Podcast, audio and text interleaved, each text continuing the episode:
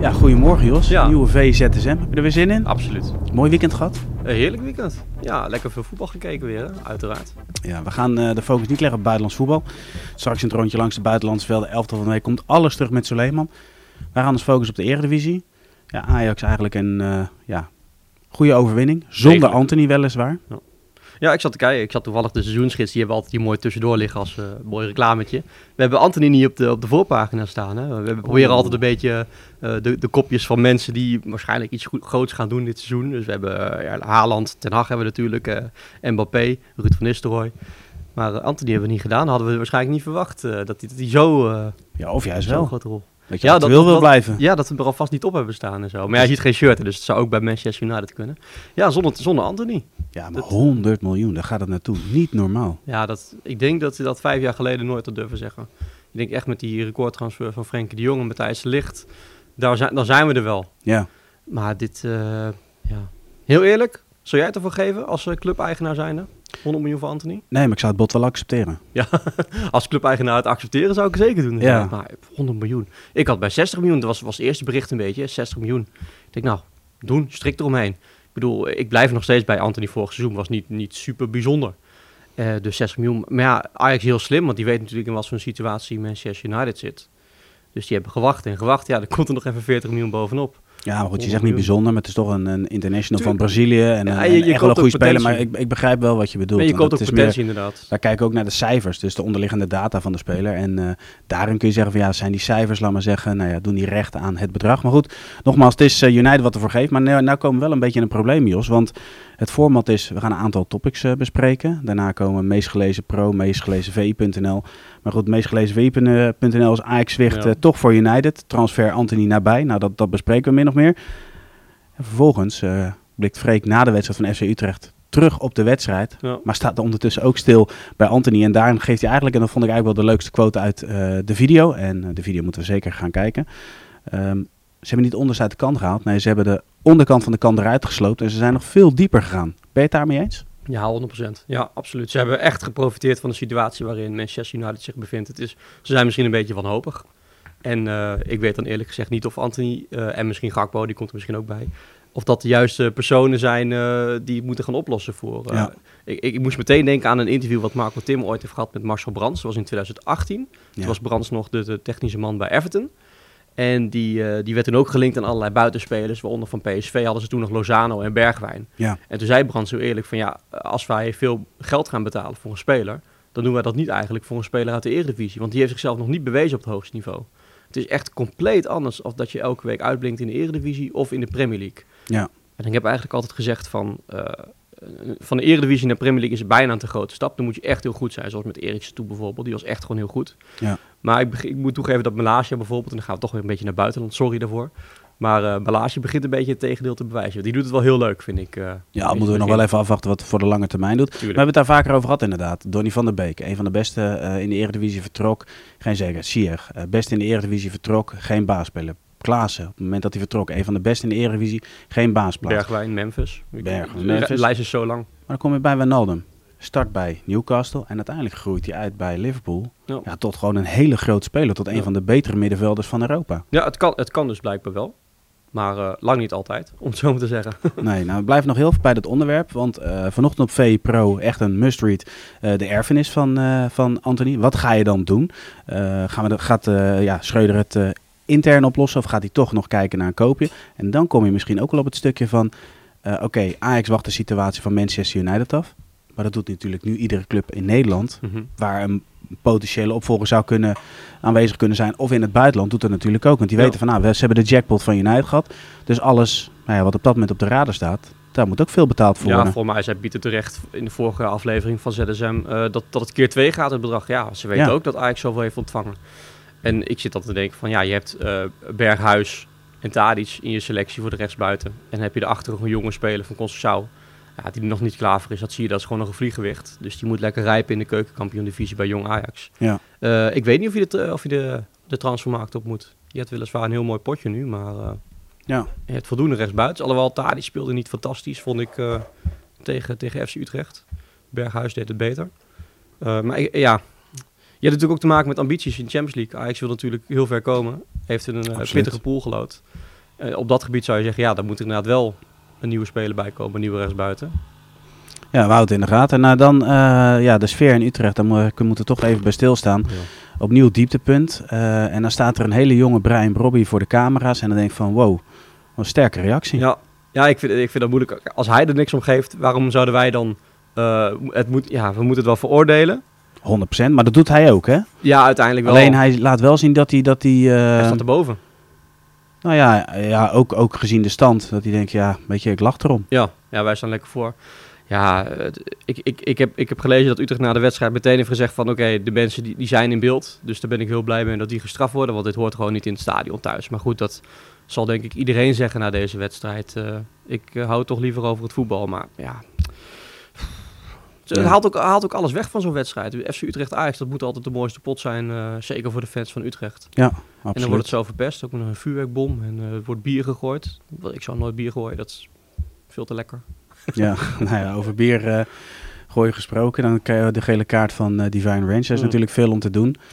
Wat, ja, hoe kijk jij er eigenlijk naar? Ik denk dat Makkeli de situatie gewoon compleet verkeerd heeft ingeschat. Die, die heeft niet doorgehad, denk ik, hoe de range daar lag. Die ligt daar niet prettig. Je zag ook in de samenvatting na een tijdje. Ja, het bier wordt gewoon op- bijna op zijn hoofd gegooid. Want hij zo dicht bij, eh, Ja. bij de tribune ligt. Ja, dan zou ik het ook wel weten. Maar als ik dan range was geweest, was ik misschien iets verder doorgelopen. En dan pas gaan liggen. Of even het gesprek aan met Makkeli. Dit is er gebeurd. Nou, dat probeerde Timmer volgens mij ook en die kreeg geel. Dus Precies. ja, ja, gekke situatie. Ja, hey, we gaan door naar de volgende. Eh, PSV zonder Luc de Jong, eenvoudig langs eh, Excelsior. Ehm, ja, de komende weken zullen ze het nog zonder Luc de Jong moeten doen.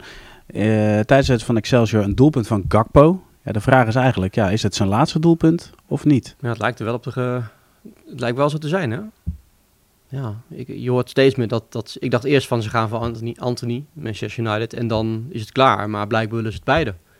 Dan heb je opeens twee flanken met spelers die het misschien nog niet bewezen hebben op het hoogste niveau. Nee. Maar eh, ja, je zag wel... Je, je zag bijna aan alles van Gakpo. Neemt hij afscheid? Ja, dat zou eens kunnen. Want ja, hij was met het publiek bezig. En heel van Nistelrooy verwacht van niet, of is dat eh, Ja, dat tegen beter weten in? Nee, maar hij zegt ook altijd van ja, ik weet van niks. Weet je, en dan hij weet wel iets, maar hij weet niet dat het definitief is. Ja, dan dan kan hij zeggen van ja, het is niet definitief, ik weet nog van niks. Nee, dan zegt de trainer eigenlijk, zolang het niet definitief is, eh, verwacht ik dat hij gewoon blijft. Ja, en logisch ook. Ja. Ja, dan eh, het gemis van Luc de Jong. Ja, goed, tegen Excelsior was dat nog niet Ja, voelbaar, maar wel makkelijk komende je- periode? Sorry. in de komende periode. Ja, je hebt mazzel dat je met Luc de Jong, dat je nu mist dat je tegen zo'n naïef Excelsior speelt. Ik bedoel, ja, die waren eh, alles aan het weggeven achterin. Die probeerden voetballend eh, het al heel mooi te doen.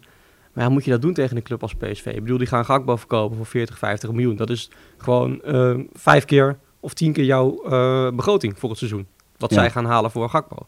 Dus moet je dat doen. In de laatste Sangaré compleet vrij bij een corner. Dat je denkt van, hé, er staat één speler van bijna twee meter. ja, Laten we die niet dekken bij een corner.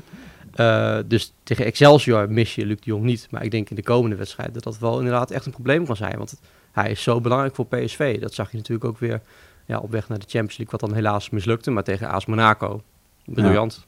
Ja. ja, speler van de week deze week, Xavi Simons, maakt opnieuw eh, een hele goede indruk. Eh, bij de grote wedstrijden wordt hij vaak toch nog aan de kant gehouden dat Van Nistelrooy op dat vlak voor wat meer defensieve zekerheid kiest. Ja, in hoeverre ben jij verrast ehm, ja, door zijn entree in de Eredivisie? Was natuurlijk altijd, ja, is het een soort marketing eh, Mhm. eh, stunt of is het, eh, ja, weet je, je begrijpt een beetje wat ik bedoel. Is het een hype of is Ja. het echt een goede Ja. voetballer? Nou, dat laatste laat hij wel steeds meer zien Ja, dat het echt een goede voetballer Ja, is. Ik vind het wel heel leuk dat inderdaad, het was een hype. En iedereen kende hem al sinds hij 14 was. Omdat hij Ja. bij Barcelona allemaal mooie dingen liet zien. En dan vind ik het wel echt heel, heel leuk dat het er ook uitkomt. En dan denk je, nou, dan wordt het serieus een, een oranje kandidaat nu op, als hij zo blijft spelen. Heerlijk joh, in zo'n, in zo'n aanvallende rol. En dan moet ik weer zeggen, blijft. En Oranje is- kandidaat. ja, waarom niet? Zeker nu bij Naldo. Je mist gewoon een middenvelder straks op het WK. Ja, waarom wordt die plek niet ingenomen door een... eh, want dat is ook altijd, op een, op een eindtoernooi is het belangrijker dat je meer aanvallende spelers meeneemt dan verdedigende spelers. Want wanneer ga je wisselen als je doelpunt nodig hebt? Dus dan moet je een aanvaller inbrengen. Een verdediger wissel je vaak alleen als hij geblesseerd is. Of je wil een aanvallende wissel toe, uh, Deed het verhaal in 2014 ook. En dan zoekt hij naar spelers die multi-inzetbaar zijn. En Ja. daarnaast eh, iets meer aanvallers ten, in, ja, ten opzichte van verdedigers. Ja, ja, en misschien komt het WK wat te snel dat hij gewoon net iets te weinig ervaring heeft. Maar hij gaat veel spelen. Zeker nu PSV ook in de Europa League eh, komt te staan. Weet je, dat dan de echte toppers, zijn er misschien dan nog niet voor PSV. Dus dan Nee. kan Ruud van Nistelrooy misschien wel gaan denken aan eh, Xavi Simons als eh, basisspeler in Europa. Ja. En dat is ook goed nieuws voor Veerman. Die mag eindelijk op acht spelen. Ja, ik had het wel mooi gevonden als eh, Veerman in de tweede minuut na Excelsior zijn doelpunt tegen Ruud zei... zie je nou wel? Gewoon lekker op acht zetten, dan scoor ik wel. Ja, ik moet wel zeggen dat Van Nistelrooy wel een punt heeft dat hij dat niet in de media Nee, natuurlijk. Dat is niet. niet, Nee. dat niet was handig. ook- Maar voor ons natuurlijk heel leuk. Ja, voor ons is het heerlijk, voor de media is het smullen. Maar ja, het was in de frustratie naar Rangers, de uitschakeling. Ik kan me wel voorstellen dat die even gepikeerd was. Maar blijkbaar is het uitgesproken en dan, eh, dan kun je verder. En dan zie je, de, zo zit je er een streep eronder met een doelpunt. Helemaal eens. Gaan we door naar Feyenoord. De nieuwelingen laten zich gelden. Eh, allemaal trefzeker van de nieuweling. En we hebben een debutant hè, met Hanko. Ja, zo. Hoe kijk je naar zijn wat, debuut? Wat vond de debutant? Hij staat ook meteen in het elftal van de week eh, van de Eredivisie. Terecht. En dat, ja, dat, dat zegt ook wel wat. Hij kreeg voor Martijn Krabbedam, die niet altijd te scheutig is met, met zijn cijfers, kreeg hij een dikke 8. Zo, Ja, een acht van Martijn Krabbe dan? Ja, een 8. Dat, dat is eigenlijk een 11 eh, van andere ra- rapporteurs. Ja. Het is echt, nee, hij speelde heel goed, als linksback ook nog. Het is eigenlijk een centrale verdediger. Dat zei Slot ook na de wedstrijd van... Ja, de, de grote kans dat je hem ook vaker als, eh, als centrale verdediger gaat zien. Hij bleef maar gaan. Echt Ja. eh, longen, vier paar longen waarschijnlijk heeft hij. en, en dat voor je eerste wedstrijd. Kijk, zo'n eerste week bij een nieuwe club, je, een nieuw land, je moet allemaal nieuwe dingen doen. Hè. Misschien zit hij nog in een hotel, heeft hij nog geen huis gevonden. Nou, dat is ook nooit prettig. Eh, je moet allemaal zaken regelen, dus je bent totaal niet bezig met voetbal eigenlijk. Ja. Nou, en dan heeft Slot is nogal een veel eisende trainer op tactisch gebied. Dus ja, en dan als linksback speel je daar een belangrijke rol in. Zit je nou Maar dat, ondertussen te eh, bladeren in de seizoengids? Oh ja, ja. Ik, ik word, word er automatisch wel ja, is echt aangetrokken. hè? Ja, ga door. Ehm, ja, de, ja hij, deed gewoon zo goed. Ja. En, eh, en je dacht eerst van, oké, het is echt een rouwdouwer en eh, ja, lekker opstomen. En dan blijkt hij opeens bij die 1-0 eh, nog eh, te kunnen voetballen ook met zo'n slim hakje. Dat was best wel eh, Ja, absoluut goed ja. gedaan. Absoluut. nou, waar hij zijn entree maakte, werd er ook afscheid genomen van Toornstra. Het mooie aan Toornstra is dat het toch een speler is die niet heel vaak genoemd wordt natuurlijk. Is een, een speler die altijd redelijk nou ja, anoniem blijft. Vond ik het afscheid toch wel mooi, want hij heeft in die afgelopen jaren natuurlijk echt wel wat neergezet. Is echt jarenlang natuurlijk ja, een, een goede baasspeler geweest voor Feyenoord. Ook een periode gehad waarbij hij nou ja, steeds dat er wel twijfel dat hij toch weer terug in het elftal kwam. Nou, hadden we het in een vorige aflevering van ZSM over. Nou ja, had hij dat dit jaar niet weer kunnen doen? Nou goed, daar kun je over, eh, over twisten.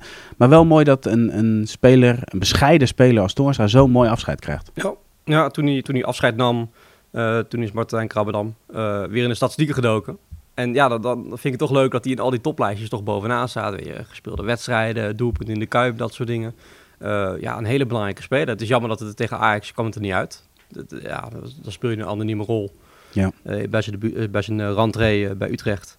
Maar voor Feyenoord was het zo'n bruikbare speler. En het is echt genieten om te zien hoe iedereen met die transfers omgegaan. Feyenoord-fans eh, hebben echt in een, voor mij in een dagtijd, rondom het stadion, hebben ze het spandoek gemaakt voor Jens Toornstra. Nou, prachtig. En zo'n afscheid verdient hij ook. Want ja, hij Ja. heeft acht jaar alles gegeven voor de club. Nooit verzaakt. Dus ja, ja fantastisch. Ja, de fans hebben hem inderdaad een heel mooi afscheid bezorgd. Ja, dus ik denk gewoon een transfer met alleen maar winnaars. Heerlijk is dat. Dat mag ook wel eens een keer, hè? Ja, eens. Nou ja, we hoeven nou niet meer naar de rubrieken meest gelezen VI en meest gelezen Ja, Pro. We kunnen wel even een stukje vooruit gaan, want eh, woensdag en donderdag een live show, Jos. 31 augustus een live show. Nou ja, hè, voor de deadline in Nederland. Eh, er zitten onze clubwatchers zitten aan tafel. Freek Jansen, Martijn Krabbedam, Pieter Zwart als analist natuurlijk. En eh Stef de Bond als presentator. En dan gaan we donderdag echt, echt uitgebreid eh, stilstaan bij het buitenland. Zin in? Ja, dubbele deadline day, hè? Ik vind het wel heerlijk. Deadline day is altijd iets speciaals. Je komt dan hier op de redactie, je weet van er kan van alles gaan gebeuren. En eh, vaak bestellen we ook wel even een pizzaatje altijd op deadline day. Dus dat is heerlijk. En waarschijnlijk, ja, nu er een live show is, dan wordt het nog druk hier. Dat is ook het enige moment waarbij we iets kunnen declareren bij Pieter, hè? Ik bedoel, dat gebeurt niet vaak. Nee. Nou Jos, ja, dank voor je tijd. Woensdag ben jij weer eh, te gast in eh VZSM. Ja. jongens, jullie bedankt wederom voor het kijken en voor het luisteren. Dit was de VZSM van maandag. Morgen zijn we weer terug. Tot de volgende VZSM.